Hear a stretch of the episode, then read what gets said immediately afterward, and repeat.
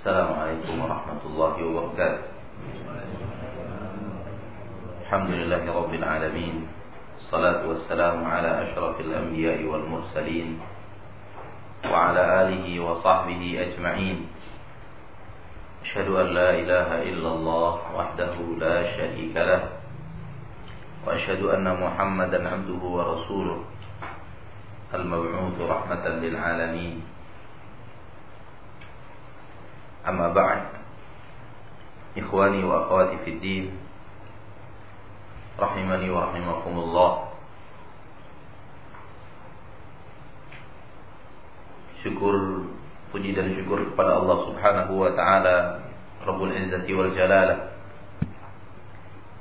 Yang kembali mempertemukan kita Di majlis-majlis Ta'lim di mana sebagaimana yang kita ketahui pada pertemuan di dan majelis ini kita membaca sebuah kitab dari kitab-kitab tauhid yang direkomendasi oleh para ulama untuk difahami, dipelajari karena bahagian daripada pondasi pengetahuan kita tentang ilmu tauhid dan pengetahuan kita tentang ilmu syirik. Apa itu tauhid dan apa itu lawannya syirik agar kemudian kita bisa berjalan di atas tauhid tersebut karena tauhid adalah sesuatu yang paling mulia, ilmu yang paling tinggi, inti daripada seluruh wahyu. Allah berfirman di dalam akhir surat Al-Kahfi, "Qul innama ana basharun mithlukum yuha ilayya annama huwa ilahukum ilahu wahid." Katakanlah wahai Muhammad kepada umatmu Sesungguhnya saya adalah manusia seperti kalian Diwahyukan kepadaku Diwahyukan kepadaku Annama ilahukum ilahu wahid bahwasanya ilah kalian Yang kalian ibadati adalah ilah yang satu Yang berhak kalian ibadati adalah ilah yang satu Diwahyukan kepadaku bahwa ilah yang berhak, berhak oleh ibadah adalah ilah yang satu.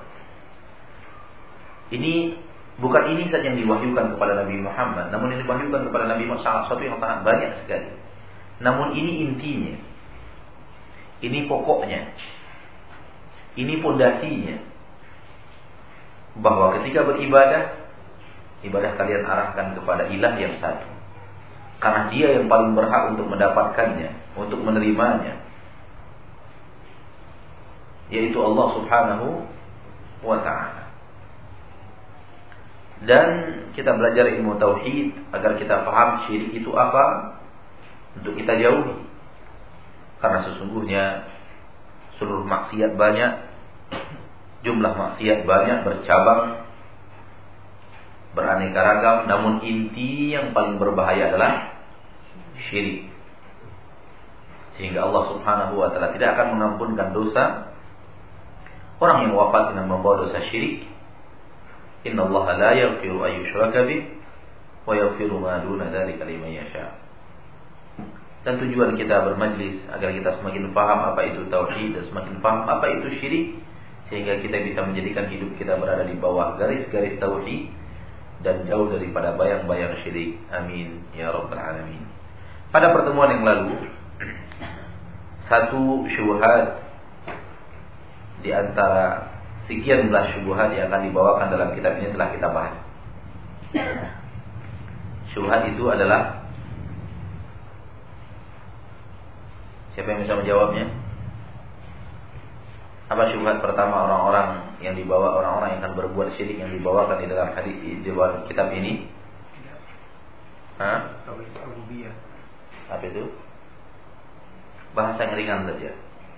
Apa inti daripada pembahasan kita pada pertemuan yang lalu? Syubhatnya apa? Orang sebagai perantara. Iya. Menjadikan para nabi dan para rasul, orang-orang saleh perantara antara mereka dengan dengan Allah Subhanahu wa taala. Karena keagungan para nabi dan para rasul dan orang-orang saleh. Mereka meyakini kedudukan para nabi dan para rasul di sisi Allah. Lalu mereka menjadikan para nabi dan para rasul antara antara mereka dengan dengan Allah karena kedudukan para nabi dan para rasul dan orang-orang saleh tersebut. Karena kedudukan para nabi dan para rasul dan orang-orang saleh tersebut.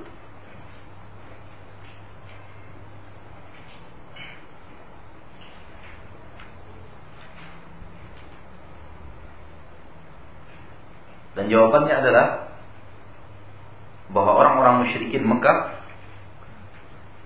orang-orang musyrikin Mekah mengakui tauhid rububiyah. Akan tetapi mereka menjadikan sesuatu perantara antara mereka dengan dengan Allah dan Allah kafirkan mereka dengan tindakan tersebut. Bacakan kepada mereka ayat-ayat yang menyatakan bahwa orang Quraisy percaya akan rububiyah. Mereka menyatakan diri kami beriman, kami percaya ini, percaya itu. Bacakan kepada mereka ayat-ayat Al-Quran yang menyatakan bahwa orang Quraisy yang didawai oleh Nabi Muhammad pun percaya apa yang mereka percayai. Bahwa Allah pengatur alam, Allah pencipta, Allah penguasa, Allah yang menghidupkan, Allah mematikan. Bacakan kepada mereka ayat-ayat tersebut. Kemudian orang Quraisy menjadikan sesuatu perantara antara mereka dengan Allah dengan mengatakan haula haula Allah. Mereka adalah perantara antara kami dengan dengan Allah. Allah kafirkan mereka di dalam Al-Quran. Rasulullah kafirkan mereka di dalam kehidupannya yang nyata. Karena mereka menjadikan suatu perantara antara Allah dan mereka. Ini syubhat pertama. Mereka berusaha untuk menyatakan bahwa para nabi dan para rasul punya posisi di sisi Allah. Ya, kita yakin itu. Tapi bukan untuk dijadikan sebagai perantara antara kita dengan dengan Allah. Bantahannya adalah orang-orang Quraisy yang meyakini kekuasaan Allah terhadap hambanya, pengaturan Allah terhadap hambanya, penguasaan langit dan bumi, yang memberi rezeki, yang memberi yang menghidupkan dan mematikan. Diambil oleh orang Quraisy banyak ayat yang membacakannya yang bisa kita bacakan. Namun mereka memiliki perantara antara mereka dengan Allah. Sehingga orang Quraisy berstatus di agama Islam dalam pandangan Al-Quran di hadis-hadis Nabi Muhammad SAW sebagai orang yang yang musyrik. Kita masuk kepada syubhat yang kedua, hujah yang kedua. Kita bacakan dulu, nanti kita bacakan, kita syarahkan, kita baca dulu syubhatnya dan bantahannya. Setelah itu kita syarah insyaallah taala. Fa in qala apabila dia berkata yaitu orang-orang yang kita bantah karena dia telah melakukan kesyirikan tadi fa apabila dia mengatakan kepada kita haulail ayat ayat-ayat tersebut nazalat fi man ya'budul asnam. Turun terhadap orang-orang musyrikin yang menyembah berhala Kaifa taj'aluna salihin mislal asnam? Bagaimana kalian menyamakan? Kenapa kalian menyamakan antara orang saleh dengan berhala? Dengan patung-patung. Am kaifa taj'aluna al-anbiya asnaman? Bagaimana kalian menjadikan para nabi sebagai berhala? Ini syubhat yang kedua. mereka mengira syubhatnya adalah mereka mengira syirik itu hanya terjadi kepada berhala. Itu syubhatnya. Orang yang mengibadati berhala hanya mereka orang-orang musyrik. Adapun berdoa kepada Nabi dan berasul kepada orang-orang saleh yang punya posisi dan kedudukan di sisi Allah bukanlah kesyirikan.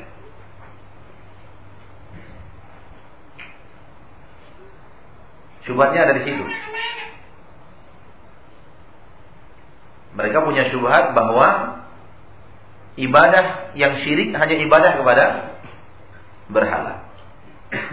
Namun sebuah ibadah yang diarahkan kepada Nabi dan Rasul untuk perantara antara mereka dengan Allah tidaklah syirik. Sehingga mereka akan membantah kita dengan mengatakan bagaimana mungkin antara berhala dengan para nabi sama? Bagaimana mungkin antara berhala dengan orang-orang saleh disamakan? Bagaimana mungkin antara berhala dengan para malaikat disamakan? Berhala tidak ada apa-apanya. Ini syubhatnya. Syubhatnya adalah mereka merasa bahwa ibadah kepada para nabi tidaklah syirik, yang ibadah kepada berhala itu adalah syirik. Sehingga mereka membedakan antara mana yang kepada nabi dengan mana yang kepada Jawabnya, fajawabihum bima taqaddama, maka jawablah mereka dengan apa yang telah lalu. Yang lalu dari pelajaran-pelajaran kita. Innahu idza aqarra an al-kuffara yashhaduna bir-rububiyyati kulliha lillah.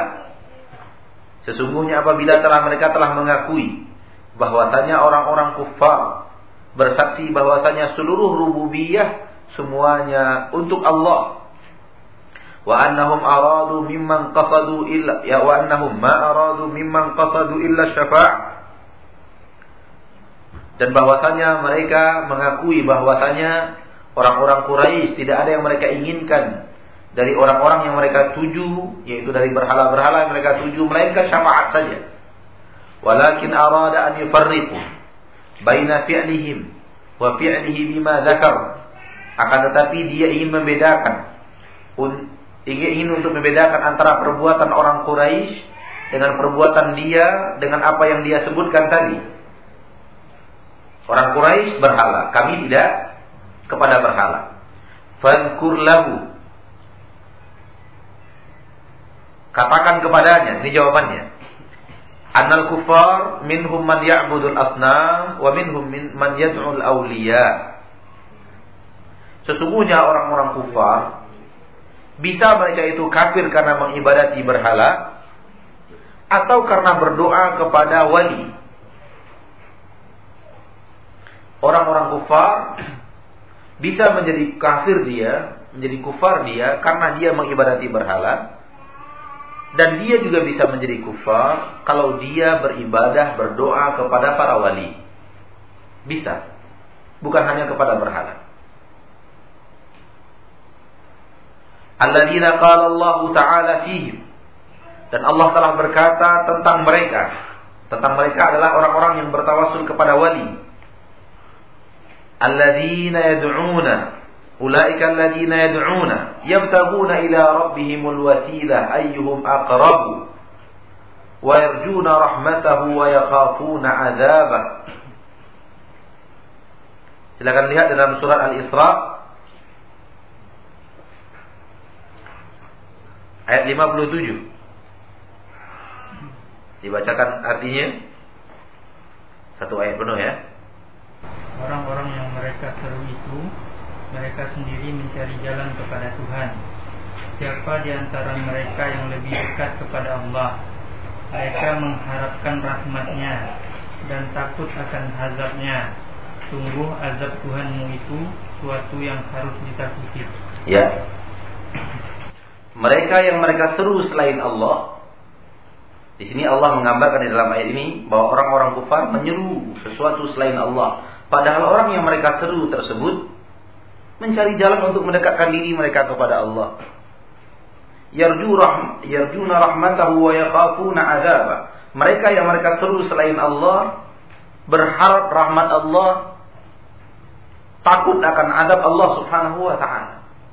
Menunjukkan bahwa orang-orang yang mereka seru adalah orang-orang yang direkomendasi oleh Allah sebagai orang-orang saleh. Ayat ini menunjukkan bahwa yang mereka seru dari selain Allah adalah orang-orang yang di sisi Allah adalah orang-orang yang saleh. Ayat ini kata mayoritas para ulama tafsir ayat ini turun kepada orang-orang yang menyembah Uzair dan Isa bin Maryam turun kepada orang-orang yang mengibadati Uzair dan mengibadati Isa bin Maryam. Dan sebagian ahli tafsir mengatakan bahwa ayat ini adalah sekelompok jin yang diibadati oleh manusia kemudian mereka bertaubat. Jin tersebut bertaubat yang telah menggoda manusia untuk mengibadati mereka. Kemudian jin tersebut menjadi orang saleh, namun manusia terus terlalu turun temurun mengibadati mereka, menyembah mereka. Sementara jin yang disembah itu yang diibadati itu yang pernah menggoda mereka manusia telah bertobat kepada Allah Subhanahu wa taala. Ini dua tafsir dalam ayat ini. Kedua-duanya menunjukkan bahwa orang yang diseru, orang yang dekat dengan Allah Subhanahu wa taala. Baik, kita lanjutkan terjemahannya. Wa yad'una Isa bin Maryam wa ummahu. Mereka orang-orang kufar juga mereka kafir karena mereka berdoa dan meminta kepada Isa bin Maryam dan ibunya yaitu Maryam.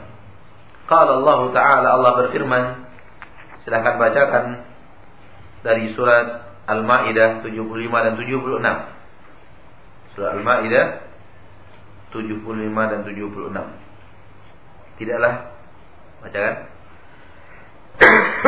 masih putra Maryam hanyalah seorang rasul. Sebelumnya pun sudah terlalu beberapa rasul dan ibunya seorang yang berpegang teguh pada kebenaran. Banyak biasa memakan makanan. Perhatikanlah bagaimana kami menjelaskan ayat-ayat kepada mereka ahli kitab. Kemudian perhatikanlah bagaimana mereka dipalingkan oleh keinginan mereka. Katakanlah ya Muhammad, mengapa kamu menyembah yang selain Allah, sesuatu yang tidak dapat menimbulkan bencana kepadamu dan tidak pula memberi manfaat dan Allah Maha mendengar, Maha mengetahui. Ya, ayat ini berbicara tentang mereka yang beribadah kepada Isa bin Maryam dan ibunya. Ayat ini bercerita tentang mereka yang beribadah kepada Bisa bin Maryam dan ibunya dan Rasulullah SAW disuruh untuk membantah mereka. Mengapa kalian mengibadati selain Allah? Dan maksudnya di sini adalah Isa bin Maryam dan ibunya. Sesuatu yang tidak bisa memberikan kepada kalian mudarat atau manfaat. Menunjukkan bahwa ayat ini membatalkan apa yang mereka katakan bahwa itu adalah berhala sementara kami adalah orang saleh. Beda. Lalu di mana bedanya? Ketika Allah mengkafirkan mereka mereka yang beribadah kepada jin yang telah masuk Islam, Ketika Allah mengkafirkan orang-orang yang menyuruh kepada Isa bin Maryam pada lidah Nabi dan Rasul dan ibunya dan ibunya adalah orang saleh, manusia yang terpuji, wanita yang siddiqah yang sangat sangat membenarkan syariat Islam, syariat agama dikafirkan oleh Allah Subhanahu wa taala. Lalu apa bedanya antara apa yang Anda lakukan dengan apa yang mereka lakukan? Berikutnya, wadkur lahu qawlahu ta'ala. Sebutkan kepada mereka, bacakan kepada mereka firman Allah Ta'ala. Terdapat dalam surat Sabah 40 dan 41. Silahkan bacakan ini tentang malaikat. Surat Sabah 40 dan 41. Dan ingatlah pada hari ketika Allah mengumpulkan mereka semuanya. Kemudian dia berfirman kepada para malaikat. Apakah kepadamu mereka ini dahulu menyembah? Para malaikat itu menjawab, Maha suci engkau, engkau lah pelindung kami, bukan mereka. Bahkan mereka telah menyembah jin. Kebanyakan mereka beriman kepada jin itu. Ya. Ayat ini menerangkan adanya terjadi peribadatan manusia kepada malaikat. Terjadi ibadah manusia kepada malaikat. Dan malaikat adalah sebaik-baik makhluk Allah Subhanahu wa taala. Semulia-mulia makhluk Allah, Allah berfirman tentang malaikat, bal ibadum mukramun. Bahkan malaikat itu adalah hamba-hamba Allah yang sangat dimuliakan. Yang dimuliakan. Akan tetapi Allah mengkafirkan mereka yang mengibadati malaikat. Lalu apa bedanya? Kenapa Anda bedakan ini berhala ini orang saleh. Tidak boleh tidak boleh disamakan. Sebab sementara Allah Subhanahu wa taala mengkafirkan mengibadati jin yang Islam, mengibadati Nabi Isa dan ibunya, mengibadati malaikat. Wa qawlahu ta'ala. Bacakan juga kepada mereka firman Allah Ta'ala. Silakan di dalam surat Al-Maidah 106 dan 116 117. Masih dengan Isa bin Maryam dan ibunya. Al-Maidah 116 dan 117. Dan ingatlah ketika Allah berfirman, Wahai Isa putra Maryam, engkaulah yang mengatakan kepada orang-orang. Apakah engkau? Engkaukah? Apakah engkau, engkau yang ya. mengatakan kepada orang-orang, Jadikanlah aku dan ibuku sebagai dua Tuhan selain Allah. Isa menjawab, Maha suci engkau, tidak patut bagiku mengatakan apa yang bukan hakku. Jika aku pernah mengatakannya, tentulah engkau telah mengetahuinya. Engkau mengetahui apa yang ada pada diriku, dan aku tidak mengetahui apa yang ada padamu. Sungguh engkaulah yang maha mengetahui segala yang gaib. Ayat ini bercerita tentang apa yang akan terjadi nanti di yaumil mahsyar. Di mana Allah Subhanahu wa taala akan bertanya kepada Isa bin Maryam. Dan Allah Maha tahu apa yang terjadi. Namun Allah menanyakan itu sebagai argumentasi, sebagai hujjah untuk menegakkan hak dan menampakkan kebatilan. Allah nanti akan bertanya kepada Isa bin Maryam, "A anta qulta lin-nasi ittakhiduni wa ummi ilahaini min dunillah?" Apa benar engkau yang mengatakan kepada manusia, "Jadikan aku dan ibuku dua ilah yang diibadati selain Allah." Jadikan aku sesembahan selain Allah. Tempat kalian meminta, tempat kalian mengadu, tempat kalian meminta rezeki, tempat kalian mendekatkan diri tempat kalian berlindung, tempat kalian mencari berkah dan yang lainnya. Apa benar? Engkau telah menyuruh manusia untuk menjadikan dirimu dan ibumu seperti itu. Di akhirat kelak akan terjadi. Isa bin Maryam menjawab subhanaka maha suci engkau ya Allah. Maha suci engkau dari apa yang dinisbatkan kepadamu dari suatu hal yang tidak benar. Maha suci engkau dari seluruh kesyirikan persekutuan. Ma. Tidak pantas bagiku untuk mengucapkan apa yang tidak ada hak bagiku untuk mengucapkannya. Tidak pantas bagiku ya Allah. In kuntu qultuhu faqad alimta. Apabila benar aku telah mengucapkannya dan itu tidak tidak dan itu tidak sama sekali.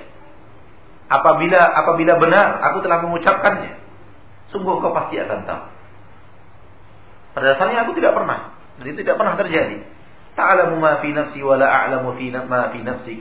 Engkau tahu apa yang ada pada diriku sementara aku tidak tahu apa yang ada padamu. Innaka anta 'allamul ghuyub. Sesungguhnya engkau satu-satunya yang mengetahui seluruh masalah gaib. Lanjutkan ayat setelahnya, karena ayat setelahnya sangat bermanfaat.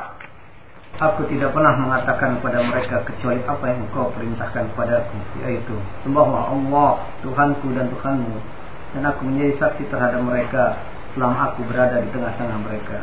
Maka setelah engkau mengangkatku ke langit, engkaulah yang mengawasi mereka dan engkaulah yang maha menyaksikan atas segala sesuatu. Ya. Kemudian ditambahkan lagi oleh oleh Nabi Isa sebagai jawaban nanti di akhirat Ma qultu lahum illa ma amartani bihi. Tidak ada yang kukatakan kepada mereka kecuali apa yang kau perintahkan aku untuk mengatakannya.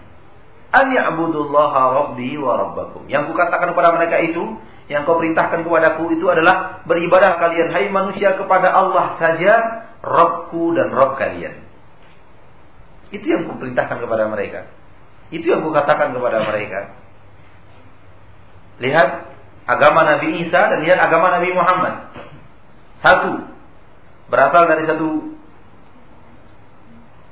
sumber yang sama, berasal dari satu cara yang sama beribadah itu hanya kepada Allah dan tidak kepada orang saleh. Tidak ada yang kuperintahkan kepada mereka kecuali apa yang kau perintahkan aku untuk mengucapkannya. Beribadahlah kepada Allah saja, yaitu Allah itu adalah Rabbku dan Rabb kalian. Wa kuntu alaihim syahidan ma dumtu fihim. Aku menjadi saksi atas mereka selama aku berada pada mereka. Falamma tawaffaitani, tatkala engkau wafatkan aku, yaitu engkau angkat aku ke langit, kun kunta antar raqibah alaihim. Engkaulah yang melihat mereka memantau mereka apa yang mereka lakukan. Wa anta ala kulli syai'in syahid. Engkau atas segala sesuatu maha menyaksikan. Kembali di dalam ayat ini, penegasan yang sangat keras dari Al-Quranul Karim bahwa telah terjadi peribadatan manusia kepada manusia saleh. Bahkan sesoleh-soleh manusia. Yaitu Nabi Nabi Isa alaihissalam. Seorang Rasul, seorang Nabi yang memiliki kemuliaan, yang memiliki sesuatu yang sangat berbeda dari manusia lainnya. Salah satu tanda-tanda kekuasaan Allah Salah satu bukti bahwa Allah Maha Bisa terlahirnya Isa bin Maryam dari seorang ibu tanpa ayah. Dari seorang wanita suci.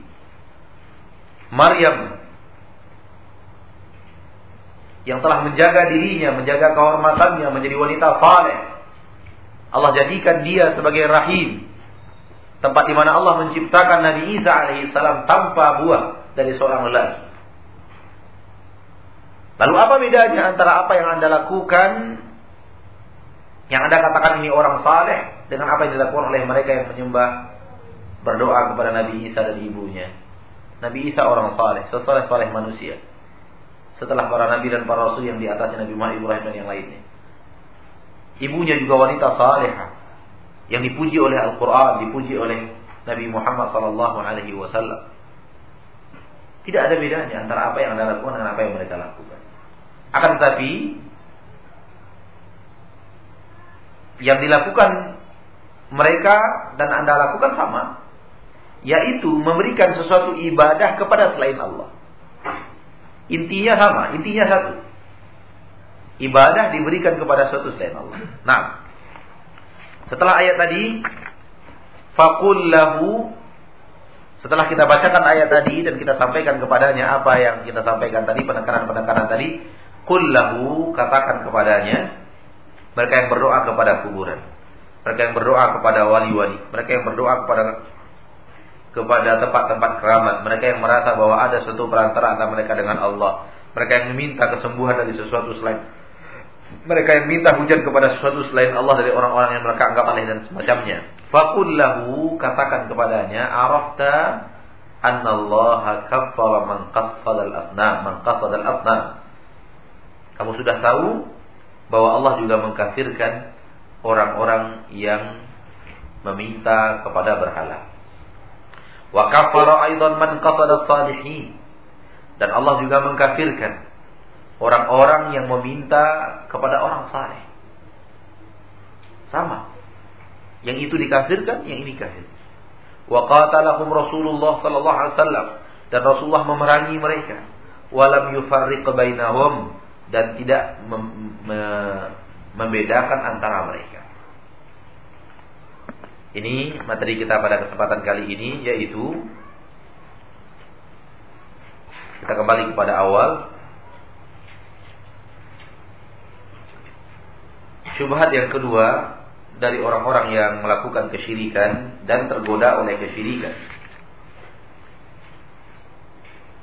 Kembali kita ingatkan kaum muslimin dari awal-awal kita sudah mengatakan kesyirikan banyak terjadi karena kecintaan yang berlebihan kepada orang saleh.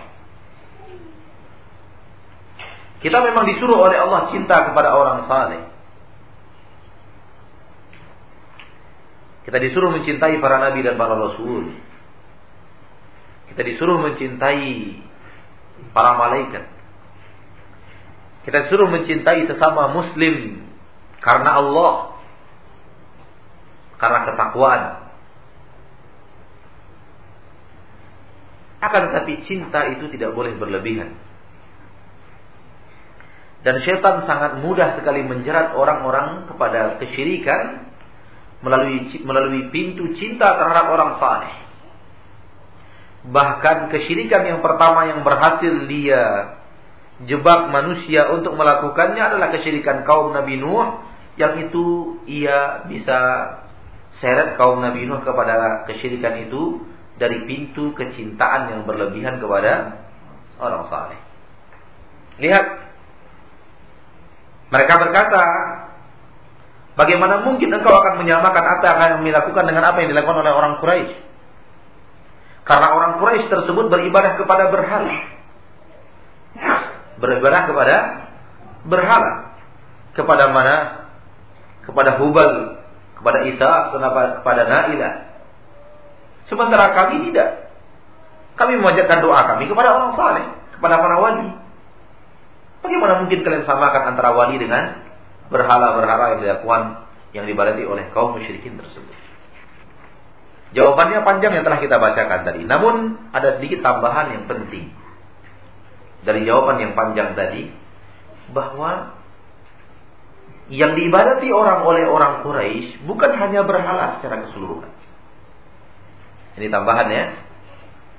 Di samping yang tadi bantahan-bantahan dari ayat Al-Quran bahwa tidak ada perbedaan antara mau berhala, mau tidak berhala. Asal persembahan ibadah itu kepada suatu selain Allah hukumnya sama. Menjadikan sebuah berhala tempat kita berdoa, meminta sesuatu, meminta rezeki, meminta turunnya hujan. Sama dengan menjadikan orang saleh. Tempat kita berdoa, tempat kita minta rezeki, tempat minta hujan, minta untuk disembuhkan penyakit sama. Menjadikan para nabi sebagai tandingan selain Allah. Sebagaimana menjadikan berhala tandingan selain Allah. Tidak ada bedanya. Satu jalan yang sama yang tidak bisa dipisahkan sama sekali. Yang satu memberikannya kepada berhala, yang satu memberikannya kepada orang saleh. Yang satu memberikannya kepada nabi, yang satu memberikannya kepada malaikat, yang satu memberikannya kepada jin yang sudah masuk Islam, yang satu memberikannya kepada orang-orang buya, angku-angku saleh di negerinya. Sama. Satu jalan yaitu ibadah tidak diberikan kepada Allah. Namun diberikan kepada sesuatu selain Allah. Namun ada tambahan penting. Yang juga bahagian daripada hal yang bisa kita bantah kata-kata ini dengannya. Bahwa yang diibadati oleh orang Quraisy tidak semata-mata berhala. Yang diibadati oleh orang Quraisy di Mekah tidak semata-mata berhala. Lata adalah kuburan. Lata adalah kuburan. Dan Uzza adalah pohon.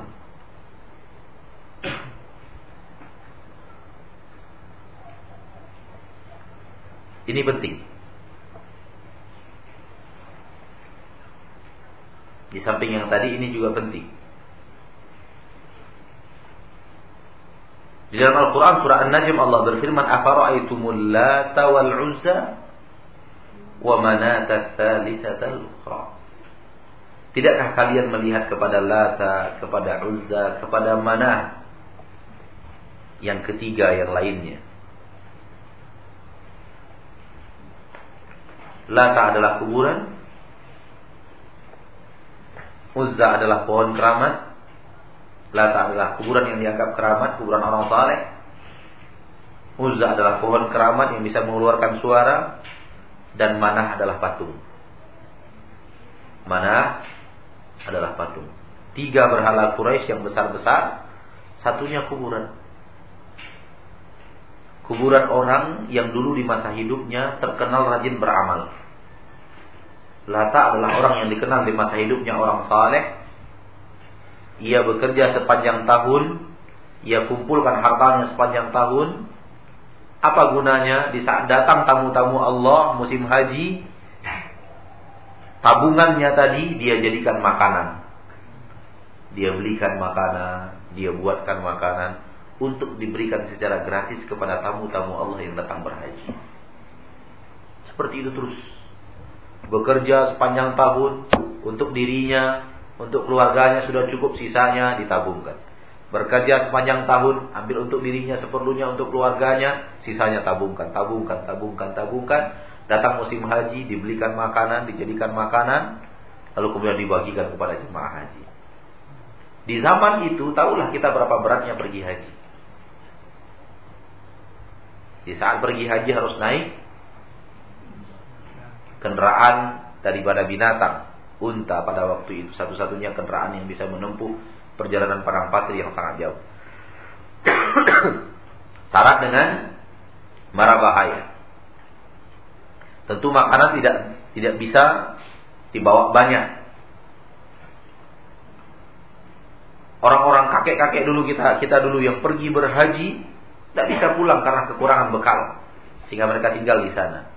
Sebagian menjadi warga negara, mau untuk jadi warga negara Arab Saudi, sebagian tidak mau, dan sampai sekarang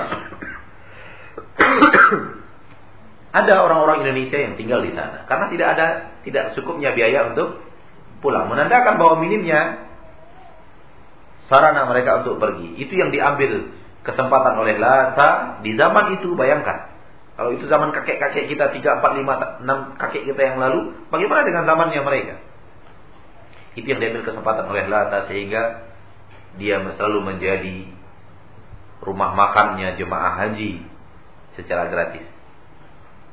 Ketika Lata ini saleh dan wafat, mulai orang cinta kepada kuburannya. Mulai orang merasa bahwa dirinya adalah orang yang sangat dekat dengan Allah Subhanahu wa taala. Mulai orang-orang Quraisy mendekatkan diri mereka kepada kuburan Lata agar Lata kemudian mendekatkan dia kepada Allah Subhanahu wa taala. Kemudian Uzza Uzza adalah pohon.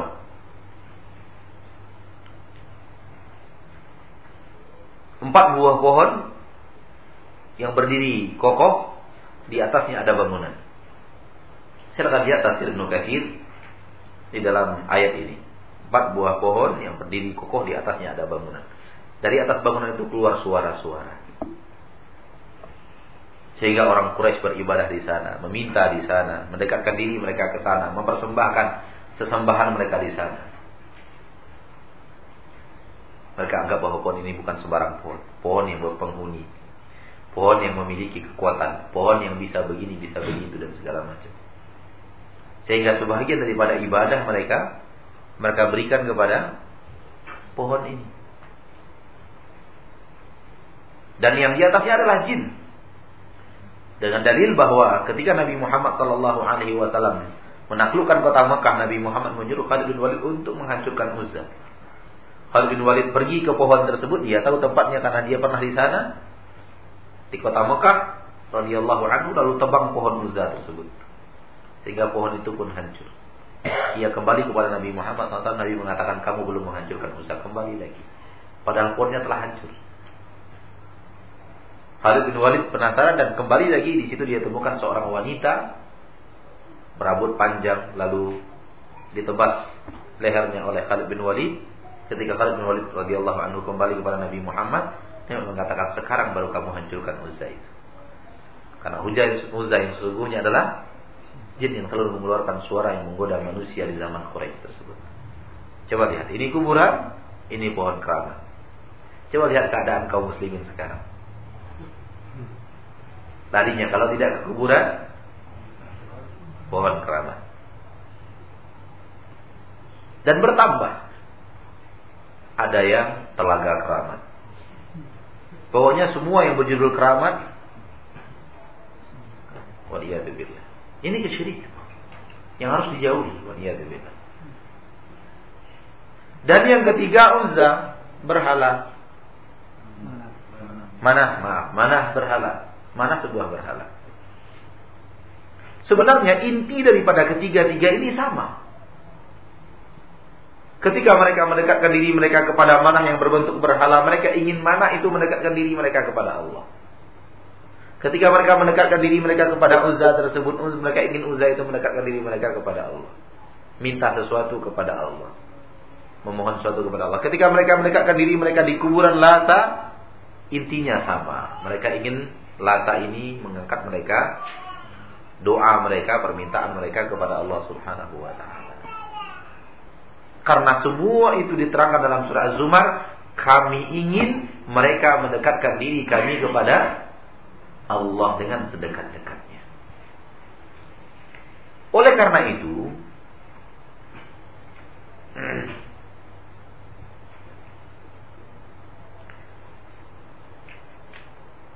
Tidak benar ketika mereka berusaha untuk memisahkan antara berhala dengan orang saleh. Karena sudah jelas di dalam Al-Qur'anul Karim bahwa makhluk yang paling mulia yang tidak pernah berbuat dosa kepada Allah malaikat diibadati orang. Ada orang yang mendekatkan diri mereka kepada malaikat, meminta kepada malaikat. Mereka jadikan malaikat perantara antara mereka dengan Allah. Sementara malaikat adalah orang saleh. Malaikat tidak satu berbuat maksiat kepada Allah Subhanahu wa taala sebagaimana kita ketahui dalam ayat-ayat yang sangat banyak. La ya'sunallaha ma amarahu wa yaf'aluna ma yu'marun dalam surah At-Tahrim. Mereka tidak akan pernah berbuat maksiat kepada Allah ketika mereka diperintahkan. Lalu mereka mengerjakan seluruh yang diperintahkan kepada mereka. Yusabbihuna al-laila wan nahara la yafturun. Mereka bertasbih siang dan malam dan tidak pernah lelah.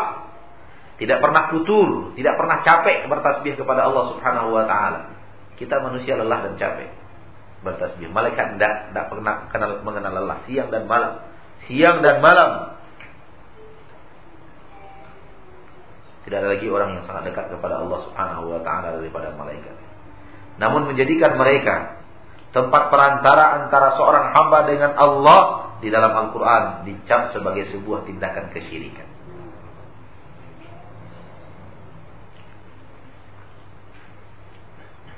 Dan kesyirikan Yahudi dan Nasrani sama. Umat Yahudi dan Nasrani dianggap sebagai orang musyrik karena apa?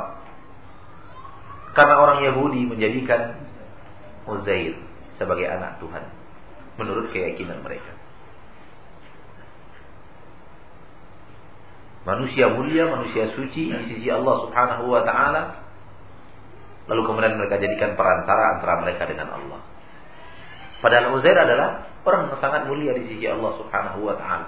Salah satu di antara wali-wali Allah di permukaan bumi. Yang ceritanya diceritakan dalam surah Al-Baqarah. Yang diwafatkan dalam 100 hari kemudian menjadi orang yang sangat percaya dan yakin akan kekuasaan Allah Subhanahu wa taala, menjadi orang yang mulia. Namun ini yang kemudian diangkat oleh orang-orang Yahudi sebagai anak Tuhan. Waqalatil Yahudu Uzair ibnullah. Berkata orang Yahudi Uzair adalah anak Allah. Dan sudah kita bacakan ayat dalam surat Maryam, hampir saja langit menjadi pecah belah hancur berantakan, hampir saja bumi menganga terbuka lebar, hampir saja seluruh gunung-gunung hancur berantakan tatkala mendengar manusia mengatakan Allah memiliki anak. Ini dalam surat Maryam. Apabila kita berjalan ke Sumatera Barat lihat gunung Merapi seperti itu yang sangat besar, gunung Krakatau, eh Krakatau ya, Singgalang. Gunung Merapi dan Gunung Singgalang lihat pantau dan perhatikan bahwa gunung yang sekokoh itu kalau diucapkan Allah memiliki anak itu akan hancur berantakan. Hampir saja kalau Allah tidak menahannya dia akan hancur berantakan. Lihat betapa dosanya, betapa besarnya dosa mengucapkan bahwa sesuatu adalah anak daripada keturunan daripada Allah Subhanahu wa taala. Dan itu yang dikerjakan oleh orang Yahudi. Dan itu yang dikerjakan oleh orang Nasrani.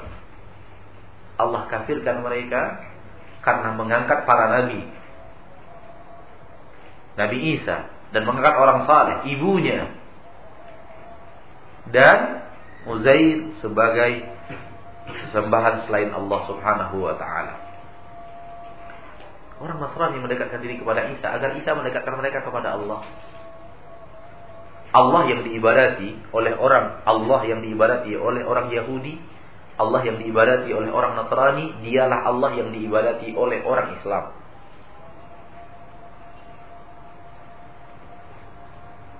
Namun orang Yahudi dan Nasrani beribadah kepada Allah pakai kesyirikan, umat Islam tauhid. Oleh karena itu, kenapa sembelihan orang Yahudi dan Nasrani dihalalkan? Karena Allahnya sama. Allah yang diibadati oleh orang Yahudi, Allah yang diibadati oleh orang Nasrani, dialah Allah yang diibadati oleh umat Islam. Itu yang dikatakan bahwa agama mereka samawi, agama yang turun dari dari langit, dari Allah Subhanahu wa taala. Agama Islam asal usul agama Nasrani yang dibawa oleh Nabi Isa, asal usul agama Yahudi yang dibawa oleh Nabi Nabi Musa alaihissalam sama. Mengibadati Allah Subhanahu wa taala. Namun mereka pakai kesyirikan perantara antara mereka dengan Allah yang mereka ibadati kepada Allah Subhanahu wa taala melalui Uzair. Yang ini memakai perantara antara diri mereka dengan Allah Subhanahu wa taala. Pakai Isa bin Maryam dan ibunya dan Ruhul Kudus. Ruhul Kudus maksudnya adalah malaikat. Ya, Ruhul Kudus yang dimaksud oleh oleh orang Nasrani adalah Jibril yang yang yang dimaksud oleh umat Islam. Namun mereka kemudian menjadikan mereka sebagai perantara antara mereka dengan Allah. Namun umat Islam tidak menjadikan itu. Umat Islam meyakini Uzair sebagai orang saleh yang dimuliakan oleh Allah, yang diberikan tanda-tanda kekuasaannya. Nabi Isa adalah orang saleh, seorang nabi yang mulia, seorang rasul yang dicintai Allah, tanda-tanda kekuasaan Allah. Maryam adalah seorang wanita yang salihah yang dicintai oleh Allah. Di dalam riwayat akan dinikahkan di akhirat di surga dengan Rasulullah sallallahu alaihi wasallam. Seorang wanita suci yang menjaga kehormatannya. Seorang manusia, mereka tidak boleh menjadi tempat kita berminta, tempat kita menggantungkan harapan, tempat kita minta disehatkan, tempat kita mengambil berkah, tidak boleh sama sekali. Dan itu yang terjadi sebenarnya. Oleh karena itu, Taulah engkau wahai orang yang melakukan kesyirikan bahwa apa yang dikerjakan oleh orang-orang Quraisy mereka menghadap kepada berhala sama dengan apa yang kau lakukan menghadap kepada orang saleh. Sama dengan apa yang dilakukan oleh orang Yahudi menghadap kepada Uzair yang mereka yakini orang saleh yang mendekatkan diri mereka kepada Allah. Sama dengan apa yang dilakukan oleh orang Nasrani mendekatkan diri mereka kepada Isa bin Maryam dan ibunya dan Ruhul Kudus. Sama dengan yang dilakukan oleh orang-orang yang mengibadati malaikat. Sama dengan yang dilakukan oleh orang-orang yang ibadati jin sebenarnya jin itu telah masuk agama Islam dalam ayat tadi. Sama, tak ada bedanya. Yaitu ibadah yang seharusnya diberikan kepada Allah saja, engkau engkau selewengkan kepada sesuatu selain Allah dan engkau meminta sesuatu selain Allah itu yang menyampaikannya kepada Allah Subhanahu wa taala. Jadi kita simpulkan bahwa dalam syubhat yang kedua, dalam argumentasi mereka yang kedua di dalam kesyirikan mereka adalah apakah mana bisa disamakan antara berhala dengan orang saleh? Mereka kepada berhala orang Quraisy, sementara kami kepada wali-wali Allah. Mereka meminta kepada berhala patung-patung, sementara kami tidak kepada patung. Kami kami datang ke kuburan wali. Para wali ini adalah orang yang punya posisi di sisi Allah. Bantahannya adalah yang tadi Rasulullah Wasallam tidak membedakan antara mereka dan semuanya di dalam Al-Quran terhitung orang kufar dan di zaman Rasulullah SAW semuanya diperangi, semuanya diperangi. Dan ayat Al-Quran telah berbicara tentang orang yang beribadah kepada jin. Di dalam Al-Quran, Al-Quran telah berbicara tentang orang yang beribadah kepada malaikat, kepada Nabi Isa dan ibunya, kepada Uzair dan semua dikafirkan oleh Al-Quran berarti bukan hanya berhala, bukan hanya benda. Orang-orang soleh pun seperti itu. Karenanya Umar bin Khattab ketika kemarau panjang datang di kota Madinah tidak pergi ke kuburan Nabi Muhammad sallallahu alaihi wasallam. Padahal kubur Nabi Muhammad ada di samping masjid Nabi.